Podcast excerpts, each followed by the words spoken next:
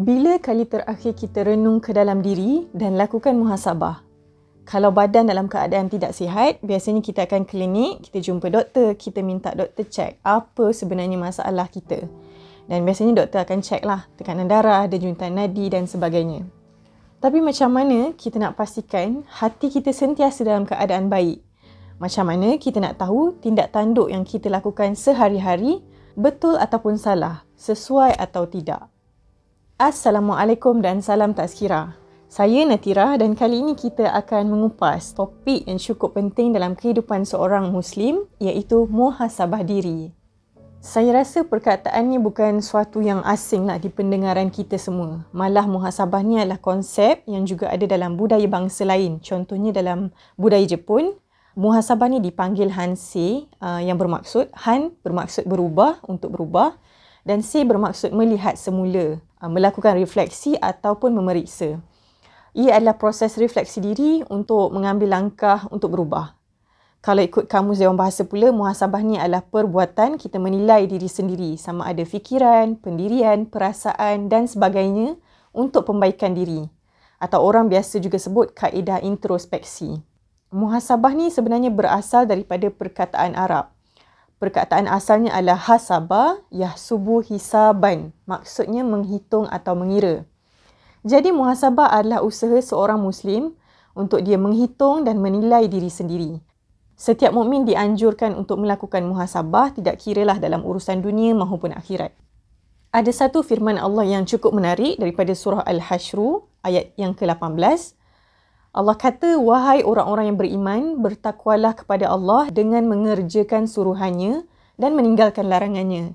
Dan hendaklah tiap-tiap diri melihat dan memerhatikan apa yang ia telah sediakan dari amalnya untuk hari esok, yakni hari akhirat.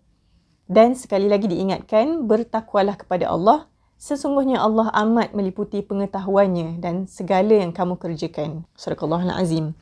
Jadi kita perlu merenung perkara baik dan buruk yang kita lakukan sama ada perkara tersebut adalah aspek luaran contohnya tindakan ataupun aspek dalaman contohnya macam niat atau tujuan kita nak lakukan sesuatu perkara. Dalam Islam, proses muhasabah ni berkait rapat sebenarnya dengan kesedaran bahawa apa pun yang kita lakukan akan dicatat oleh malaikat pencatat amalan yang ada di kiri kanan. Dan semua perkara adalah dalam pengetahuan Allah Subhanahu Wa Taala. Sebab tu kita perlu sentiasa lakukan proses check and balance terhadap diri sendiri dari semasa ke semasa. Contohnya kalau ada dosa dan kesalahan, kita perlu pohon taubat secepat mungkin. Kita tampal setiap kelompongan dan kelemahan diri dengan amalan tambahan atau tindakan yang sepatutnya. Di sini saya nak berkongsi kata-kata mutiara tentang muhasabah diri daripada ahli sufi. Uh, Imam Hasan Al-Basri pernah berkata bahawa Demi Allah sesungguhnya orang mukmin itu selalu menegur dirinya apa yang aku inginkan dengan percakapanku, apa yang aku inginkan dengan makananku, apa yang aku inginkan dengan minumku. Akan tetapi orang yang lemah terus-terusan melakukan dosa setapak demi setapak tanpa menyesali dirinya. Kata Imam Hasan Al-Basri lagi, orang mukmin ini adalah orang yang sentiasa memperhatikan diri dia sendiri. Malah dikatakan bahawa proses perhitungan amalan kita di hari kiamat kelak akan terasa lebih ringan kalau kita dah lakukan proses muhasabah dan memperbetulkan diri di dunia. Baik, sekarang saya nak bergerak ke bahagian seterusnya. Uh, bahagian-bahagian dalam muhasabah. Okey. Muhasabah boleh dibahagikan kepada dua bahagian. Kalau menurut Ibn Qayyim, muhasabah boleh dibahagikan kepada dua. Yang pertama, kita bermuhasabah sebelum kita buat sesuatu perkara. Okey, pada peringkat pertama ni seseorang akan memperhatikan niat dia ataupun keinginan diri dia sebelum dia buat sesuatu perkara. Adakah tujuan dan niat dia tu kerana Allah ataupun kerana manusia? Adakah kerana untuk mendapatkan um, perhatian daripada manusia? Adakah untuk dapat, adakah untuk direcognize oleh manusia dan sebagainya? Yang kedua adalah muhasabah yang kita lakukan selepas kita dah buat perkara tersebut. Baik, di bawah bahagian yang kedua ini, kita boleh pecahkan lagi kepada tiga bahagian. Pertama, kita bermuhasabah diri kerana ketaatan yang kurang sempurna dalam menyempurnakan hak-hak Allah. Contohnya, kita dah buat amal ibadah tapi masih belum ikhlas. Kita dah solat tapi masih belum khusyuk. Ataupun kita masih belum ikut sunnah Nabi SAW dan lain-lain. Jadi ini antara contoh proses muhasabah uh, bila kita dah buat sesuatu perkara. Kita check balik adakah ia sudah sempurna ataupun tidak. Bahagian kedua ni a bit tricky. Sebab ada orang yang buat kebaikan, uh, dia buat amalan-amalan tambahan tapi dalam masa yang sama dia mengabaikan ibadah yang lebih utama. Jadi kita kena check balik adakah kita dah termasuk dalam golongan ni. Contoh orang yang sibuk dengan solat malam dia, sibuk dengan amalan tahajud, qiyamulai tapi subuh dia terlambat. Baik, yang ketiga kita bermuhasabah diri dalam perkara-perkara yang harus. Okey, perkara yang harus ni banyaklah. Uh, ia adalah perkara yang kalau kita buat pun kita uh, tak dapat pahala dan kalau kita tinggalkan pun kita tak dapat dosa. Contohnya makan, minum, bersia-sia, berehat dan sebagainya. Tapi kalau perkara-perkara harus ni dibuat sebaik mungkin, diniatkan dan disempurnakan dengan baik sebab Allah Ta'ala, kerana Allah Ta'ala, ia pun boleh mendapat ganjaran pahala lah sebenarnya. Jadi kita perlu bermuhasabah diri dalam perkara-perkara yang harus. Contohnya, okey kalau kita makan, adakah kita makan secara berlebih-lebihan sampai benda tu bawa mudarat pada diri, diri sendiri? Adakah kalau kita tidur, kita tidur melampau-lampau, kita tidur uh, berlebih-lebihan sampai uh, tak dapat nak buat kerja ataupun terbangun lambat untuk pergi ke kelas dan sebagainya. Jadi ini pun kita kena muhasabah diri dalam perkara-perkara yang harus. Baik, sekarang saya akan terangkan pula tentang sudut-sudut yang perlu diberi perhatian dalam melakukan muhasabah. Okey, tadi kita dah cerita tentang muhasabah diri sebelum melakukan sesuatu perkara dan selepas melakukan sesuatu perkara. Okey, antara sudut-sudut yang perlu diberi perhatian dalam melakukan muhasabah yang pertama, kita kena muhasabah diri dalam hal-hal yang wajib.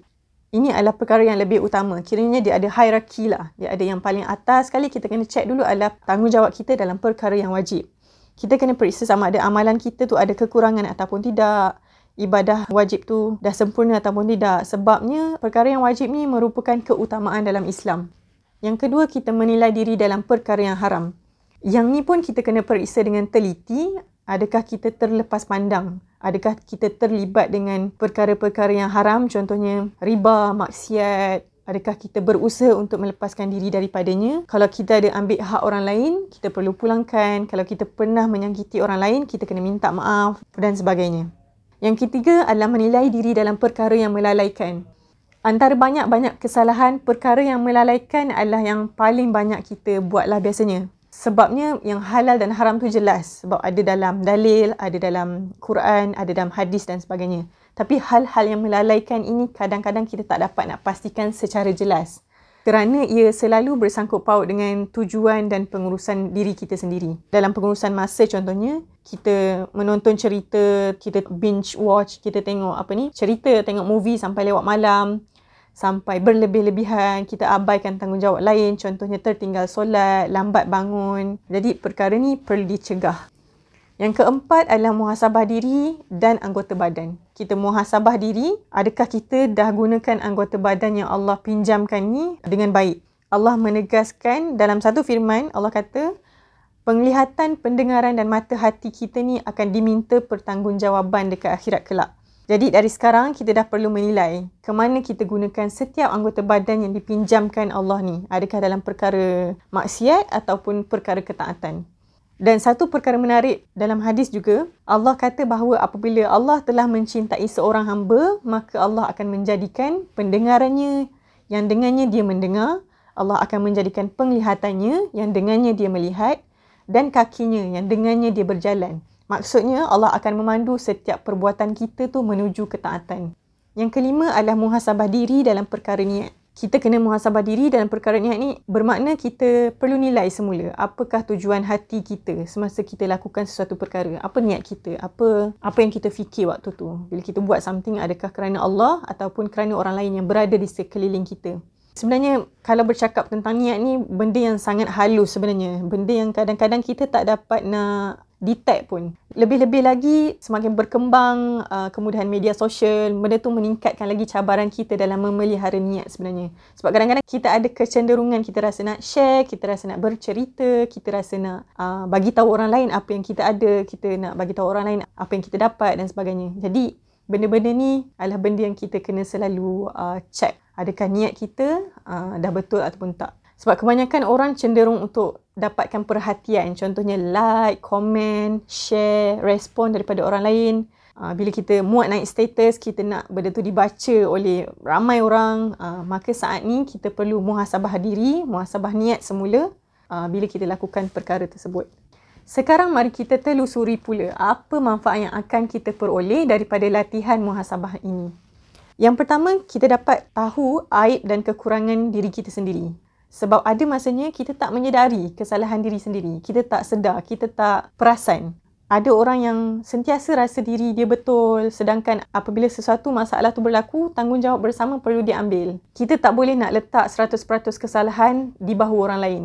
Jadi dengan bermuhasabah, kita akan menyedari kekurangan dan aib diri kita sendiri. Dengan muhasabah, kita dapat mengenal pasti masalah dan kelemahan yang kita boleh perbaiki. Yang kedua, kita dapat memperbaiki hubungan dengan Allah sebab bila bermuhasabah tentang hubungan kita dengan Allah, kita akan mula menilai apa lagi hak-hak Allah yang kita belum tunaikan. Adakah dah sempurna ataupun tidak? Adakah masih ada kecacatan? Hati kita akan jadi lebih lembut, hati kita akan jadi lebih tunduk dengan segala perintah Allah. Kita jadi rendah diri. Sebab kita masih sedar bahawa banyak lagi kecacatan yang ada dalam amalan. Yang ketiga, apa yang kita dapat bila kita bermuhasabah adalah kita dapat mengurangkan perselisihan sesama manusia. Kita kurang berbalah, kita akan kurang bermusuhan sebab kita sentiasa cek apa hak-hak orang lain yang kita dah tunaikan. Apa lagi kesilapan dan kesalahan yang kita buat pada orang. Dan biasanya bila kita bermuhasabah, of course lah kita akan ada rasa menyesal, hati kita akan jadi lebih lembut dan kita akan uh, lebih cenderung untuk minta maaf pada orang. Jadi benda ni adalah benda yang akan disenangi oleh uh, orang di sekeliling kita. Ataupun kalau keadaan buruk sekalipun, Uh, seseorang tu bila dia dah bermuhasabah dia akan pilih jalan yang paling sedikit yang boleh mendatangkan mudarat pada orang lain. Imam Ibn Qayyim Al-Jauzi pernah berkata, Sungguh besar manfaat yang akan diperoleh bagi orang yang duduk sebentar sebelum tidur untuk memuhasabah diri, untuk melihat keuntungan dan kerugiannya pada hari itu. Dia memperbaharui taubat nasuhanya antara dia dengan Allah, kemudian ia tidur dengan taubatnya dan bertekad untuk tidak mengulangi dosa apabila terjaga nanti. Lakukanlah amalan ini setiap malam. Jika ia mati pada suatu malam, maka ia mati dalam keadaan taubat. Jika ia terjaga, maka ia terjaga dalam keadaan bersedia untuk beramal dan gembira kerana ajalnya ditangguhkan. Lalu ia menghadap Tuhannya dan memperbaiki kekurangannya. Muhasabah adalah kemestian bagi seorang Muslim. Sahutlah seruan Tuhan untuk kita lakukan proses hisap diri sebelum tibanya hisap yang sebenar di akhirat kelak orang yang meninggalkan muhasabah akan terlepas pandang daripada memerhatikan apa yang telah dilakukan sepanjang hidup dia. Orang yang meninggalkan muhasabah juga akan cenderung untuk meremehkan banyak perkara serta mudah terjerumus ke dalam dosa dan kesilapan. Wallahu alam. Sekian saja perkongsian daripada saya kali ini. Saya Natira Azira. Kita bertemu lagi dalam episod podcast pada masa akan datang. Untuk lebih banyak informasi menarik, teruskan bersama tazkirah.com. Assalamualaikum.